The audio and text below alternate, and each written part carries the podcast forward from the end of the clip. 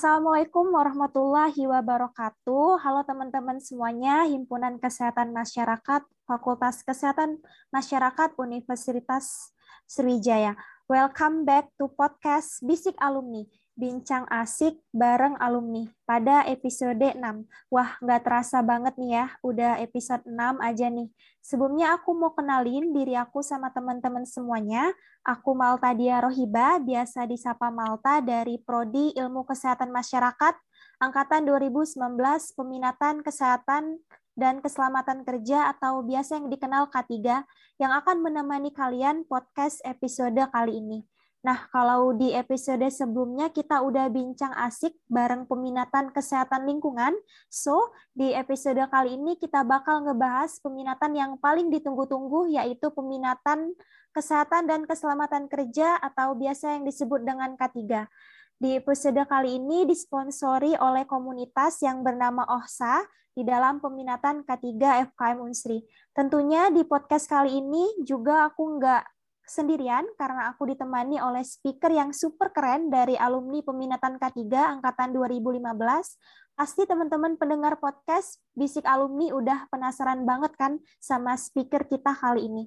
Ya udah yuk langsung aja kita panggil narasumber kita yang akan berbagi informasi dan pengalaman menariknya. Kak Diki Kurniawan SKM. Assalamualaikum, halo Kak Diki, selamat datang di podcast Bisik Alumni Kak. Ya halo semuanya. Uh, Kak Diki, gimana kabarnya Kak? Sehat? Alhamdulillah, harus tetap sehat. Gimana Malta, apa kabarnya? Alhamdulillah, kabar baik juga nih Kak. Alhamdulillah. Uh, Oke okay, teman-teman, sebelum memulai tanya jawab kita pada malam hari ini, aku mau bacain CV singkat nih dari Kak Diki, biar teman-teman bisa lebih kenal dan tahu pengalaman-pengalaman dari Kak Diki nih apa aja. Kak Diki Kurniawan itu merupakan alumni dari Fakultas Kesehatan Masyarakat Universitas Sriwijaya Angkatan 2015 peminatan K3 KL. Kadiki ini berpengalaman magang di PT Bina Sarana Sukses Lahat Sumatera Selatan sebagai HSE officer dan juga pengalaman organisasinya ini pada tahun 2015 sampai 2016 itu member dari divisi desain BO Publisia Universitas Sriwijaya, lalu member of Departemen Kreatif Ekonomi BOGO, member dari divisi Simponi sebagai vokal musik Unsri, lalu Diki ini pernah mengikuti tradisional dance harmoni Unsri dan pada tahun 2016 juga Kak Diki ini mengikuti Bujang Gadis FKM Unsri terpilih sebagai bujang berbakat pada tahun 2016. Di tahun 2017 sampai 18 Kak Diki ini juga sebagai member Hoir Sound Maha di Universitas Sriwijaya. So, keren banget nggak sih teman-teman pengalaman dari Kak Diki ini? Nah, mungkin Kak Diki boleh menyapa dulu teman-teman pendengar setiap podcast Bisik Alumni kita nih, Kak. Halo semuanya, apa kabarnya? Sehat ya? Uh, mungkin uh, selamat menikmati perbincangan kita pada hari ini. Oke Kak, kalau boleh tahu Kak Diki sekarang kesibukannya lagi ngapain aja nih Kak? Kalau sekarang hari-hari disibukkan dengan kerja ya. Sekarang kakak kerja di Dinas Lingkungan Hidup Kota Jambi di bagian pengolahan sampah PT di TPA Sanitary Landfill Talanggulo. Oke, kesibukannya ya Kak. Oke teman-teman, seperti yang kita ketahui, Kak Diki ini adalah salah satu alumni dari peminatan K3. Nah, aku penasaran banget nih Kak, kalau boleh nih diceritain dong Kak, kenapa sih Kakak yakin untuk memilih peminatan K3, atau Kakak sebelumnya ada ketertarikan di, di peminatan lain gitu? Oke, sedikit cerita ya, nggak apa-apa ya. Oh, boleh banget nih, Kak. Jadi awal masuk uh, kuliah, kakak itu tertarik sama peminatan gizi. Nggak tahu kenapa, pokoknya tertarik sama peminatan gizi. Seiring berjalannya waktu, kenal nih sama uh, peminatan-peminatan lain, tertarik sama peminatan promosi kesehatan dan uh, K3KL awalnya masih bingung antara dua ini sampai akhirnya meyakinkan diri untuk uh, memilih uh, kayaknya K3KL nih pilihan yang tepat jadi gitu. Oh gitu. Jadi sebelumnya ini tertarik ke peminatan gizi ya kak? Iya. Hmm, Oke. Okay. Uh, sebelumnya untuk di angkatan 2019 sekarang itu Kak dan angkatan sebelumnya juga ada rangkaian tes nih Kak dari peminatan K3 ini. Dari pengisian formulir, tes tertulis, pembuatan video hingga wawancara Kak. Nah, di zaman Kakak dulu gimana nih Kak angkatan 2015? Kalau untuk pemilihan peminatan itu kita kayak dikasih formulir. Nanti kita di uh, minta isi maksimal dua peminatan. Waktu kemarin itu K3 masih gabung sama KL kan. Jadi maksimal dua peminatan, kita cuma isi formulir, nama, NIM, terus uh, peminatan pertama kita milih apa, peminatan kedua kita milih apa, terus di, diberikan ke prodi. Nanti dari prodi yang menentukan kita uh, masuk ke peminatan yang mana. Jadi oh, untuk kayaknya untuk tes kayak gitu di bawah angkatan kami kayak kalau nggak salah 2016 baru ada kayak tes-tes kayak gitu. Hmm, gitu ya kak. Mungkin karena udah peminatannya peminatnya juga naik gitu, jadi diadakan ya. tes rangkaian ya kak. Iya gitu. Oke, menurut Kak Diki sendiri nih, definisi dari kesehatan dan keselamatan kerja itu apa sih Kak? Kalau kita bilang definisi, ini menurut pribadi ya.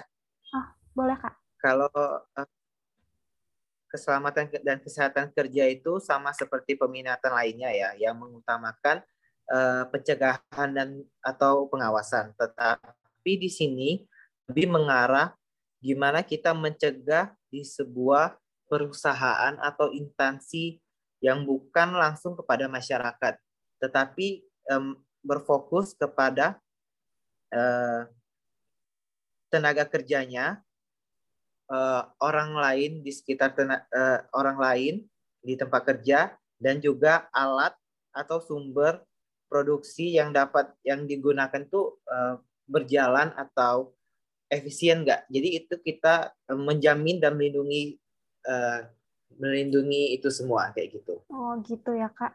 Berarti kita juga di samping kita untuk melindungi diri sendiri, kita juga harus melindungi pekerja lain nih di suatu perusahaan atau instansi itu sendiri ya, Kak. Ya, benar sekali. Oke, benar banget nih. Eh, lalu untuk pertanyaan yang paling banyak nih ditanyain sama adik-adik tingkat nih, Kak. Berdasarkan pengalaman Kakak di K3 itu belajar apa aja sih, Kak? Ini di setelah kita masuk peminatan ketiga ya di luar ya. dari K3KL kita K3 ya.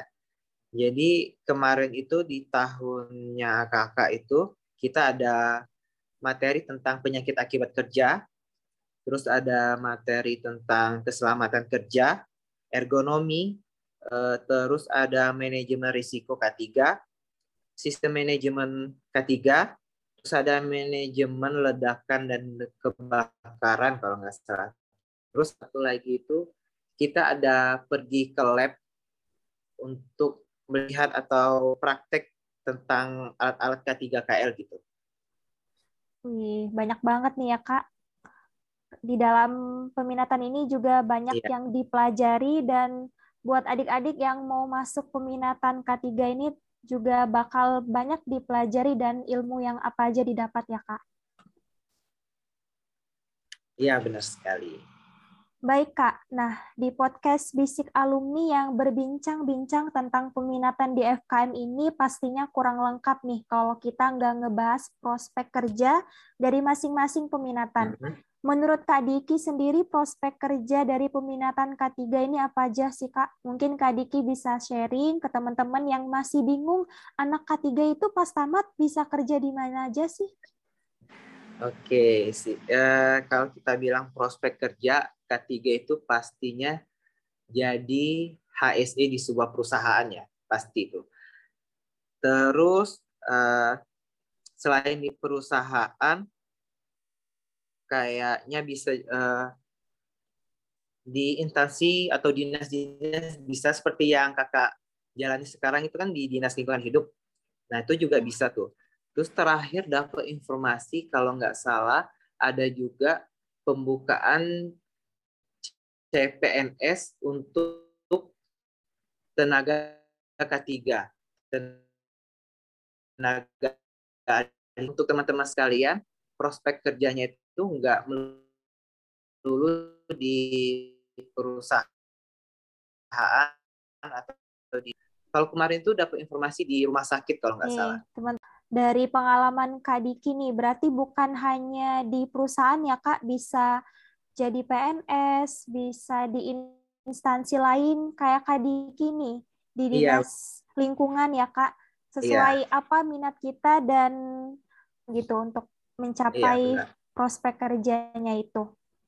Oke Kak, eh, pertanyaan selanjutnya nih, sebenarnya ilmu K3 itu penting nggak sih, Kak? Gimana sih cara kakak buat mengimplementasikan ilmu K3 ini dalam kehidupan sehari-hari?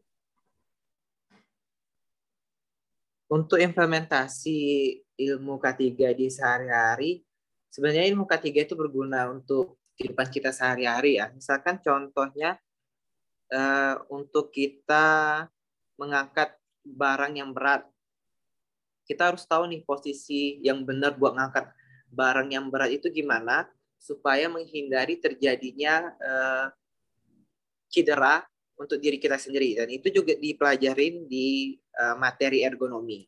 Terus juga bisa juga kita di bagian misalkan contoh nih ada ada suatu barang di ter, tergeletak di lantai atau enggak sapu deh yang ter, tergeletak di lantai itu di bagian manajemen resiko ketiga kita belajar identifikasi bahaya yang bakal terjadi itu apa.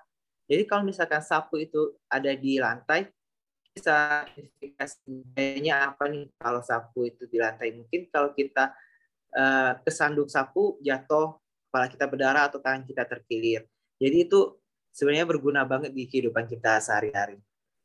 Setuju banget nih sama Kak Diki. Jadi ilmu K3 itu penting ya teman-teman. Karena tanpa kita sadari di sekitar kita itu ada bahaya yang bisa menyebabkan kecelakaan dan penyakit kerja.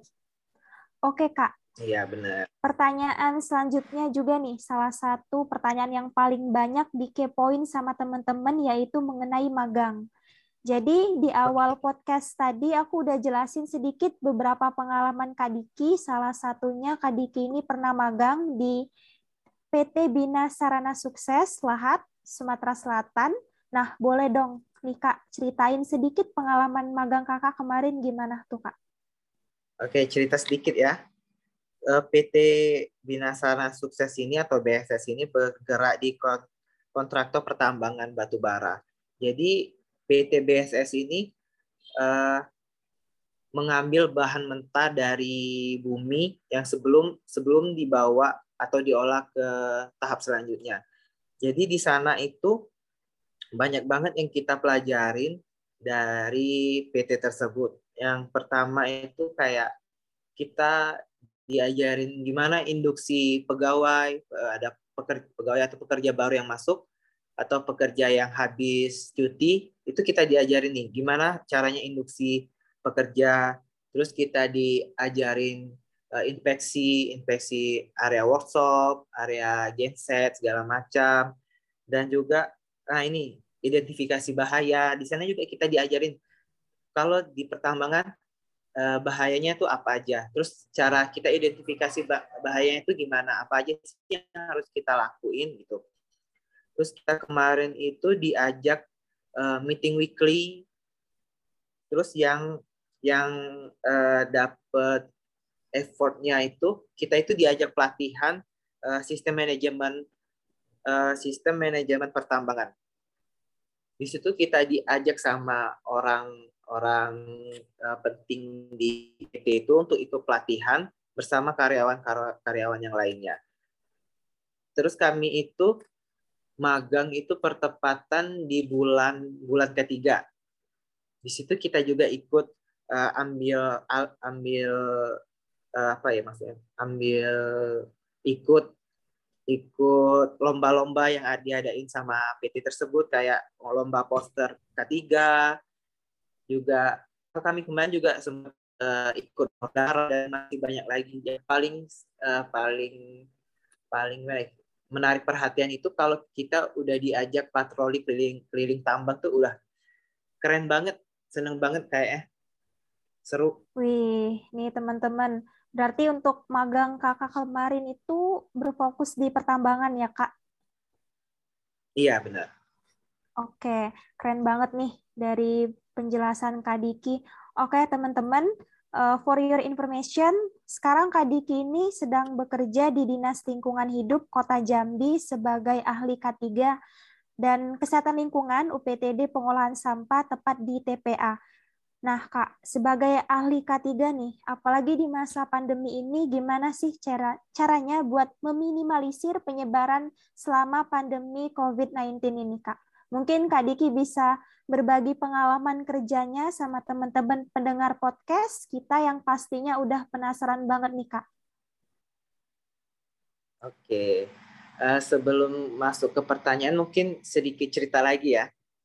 Hmm, boleh kak. Jadi uh, tempat tempat kerja ini di UPTD TPA Sanitary Landfill yang mana pemerintah Indonesia itu uh, melalui Kementerian PUPR bekerja sama, bekerja sama dengan pemerintahan Jerman melalui program Emission Production of uh, in Cities atau ERIC. Jadi Eh, program ini jadi program ini itu membuat gimana TPA TPA yang kita kenal sekarang itu tempat pembuangan akhir sampah bisa meminimalisir dampak pencemaran air, tanah, bahkan udara ya eh, mungkin eh, simpelnya ramah lingkungan lah bagi lingkungan sekitar. Hmm. Terus untuk untuk yang tadi ya kembali ke pertanyaan gimana caranya kita menghadapi pandemi ini walaupun kita kerja selain uh, kita kan bertemu orang banyak di tempat kakak kerja itu kurang lebih ada 100 orang itu dari berbagai uh, berbagai tempat kan dan uh, sering uh, cuci tangan dan kemarin itu kita dari GPA Sanitary Landfill Galanggulo, Talanggulo bekerja sama sama puskesmas terdekat untuk mengadakan vaksin di tempat kita kerja untuk pekerja dan keluarga uh, pekerja. Jadi untuk pekerja kita dan keluarganya alhamdulillah sekarang sudah melakukan vaksin pertama dan kedua. Jadi untuk meminimalisir terjadinya atau penyebaran COVID itu sudah ada yang kita lakuin Terus satu lagi di jam 10 tepat semua operasi di kantor yaitu dihentikan. Jadi di tepat jam 10 itu semuanya pekerja termasuk kami uh, berjemur di bawah matahari. Itu salah satu apa ya uh, program kerja yang kami yang kami lakukan di masa pandemi ini. Berarti untuk prokernya mulai dari vaksin yang harus diwajibkan hingga berjemur tadi ya Kak, buat meminimalisir iya, COVID-19 ini. Wah, ternyata seru banget nih teman-teman. Gak terasa nih kita udah masuk ke pertanyaan terakhir nih Kak. Mungkin ada tips atau saran dari Kak Diki buat mahasiswa tingkat akhir atau fresh graduate yang udah mulai masuk ke dunia kerja Kak?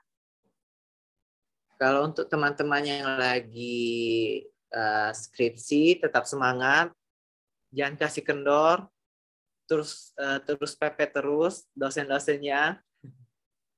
Terus uh, untuk teman-teman yang baru lulus, jangan takut untuk mencoba hal baru. Terus jangan takut gagal, coba lagi, coba lagi pasti uh, pasti kita menemukan pintu sukses kita masing-masing. Oke, semangat. Terus semangat. Hmm. Semangat nih ya, Kak. Benar banget nih, karena setiap orang punya jalannya masing-masing buat mencapai kesuksesan ya, Kak. Iya, benar. Oke, makasih banyak buat Kak Diki tips-tipsnya. Sebelum kita menutup podcast kali ini, mungkin dari Kak Diki bisa ngasih closing statement dulu nih ke pendengar setiap podcast Bisik Alumni kita, Kak. Oke, uh, gimana ya? Jangan jadikan uh, sukses, kesuksesan orang lain itu sebagai patokan kesuksesan bagi diri kita. Seperti yang tadi kita bilang, kesuksesan masing-masing itu udah ada jalannya, udah ada pintunya masing-masing. Jadi jangan pikir uh, si A di tahun di tahun ini udah kerja, kok aku belum dapat kerja.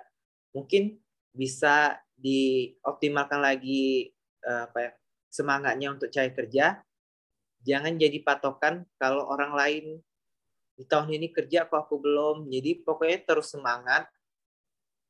Dan untuk sekarang di masa pandemi, stay safe, stay healthy, jangan lupa pakai masker, cuci tangan, jaga jarak, selalu waspada ya, karena pandemi belum berakhir. Wih, luar biasa nih teman-teman, keren ya. Sebelumnya aku mau ngucapin maaf ya Kak kalau selama ya. podcast ada tutur kata yang kurang berkenan dan aku juga mau ngucapin terima kasih banyak nih buat Kak Diki atas kehadiran dan udah mau berbagi sekaligus sharing bareng kita yang mudah-mudahan bisa menambah insight baru dan bermanfaat bagi kita semua. Dan tentunya tak lupa juga aku ucapin terima kasih banyak kepada pendengar setia podcast alumni ini di mana pun dan tetap dengarkan episode podcast selanjutnya. Tetap stay safe dan stay healthy ya teman-teman semua. Aku Maltadia sebagai host pamit undur diri. Wassalamualaikum warahmatullahi wabarakatuh. Bye, see you on the next video. Bye.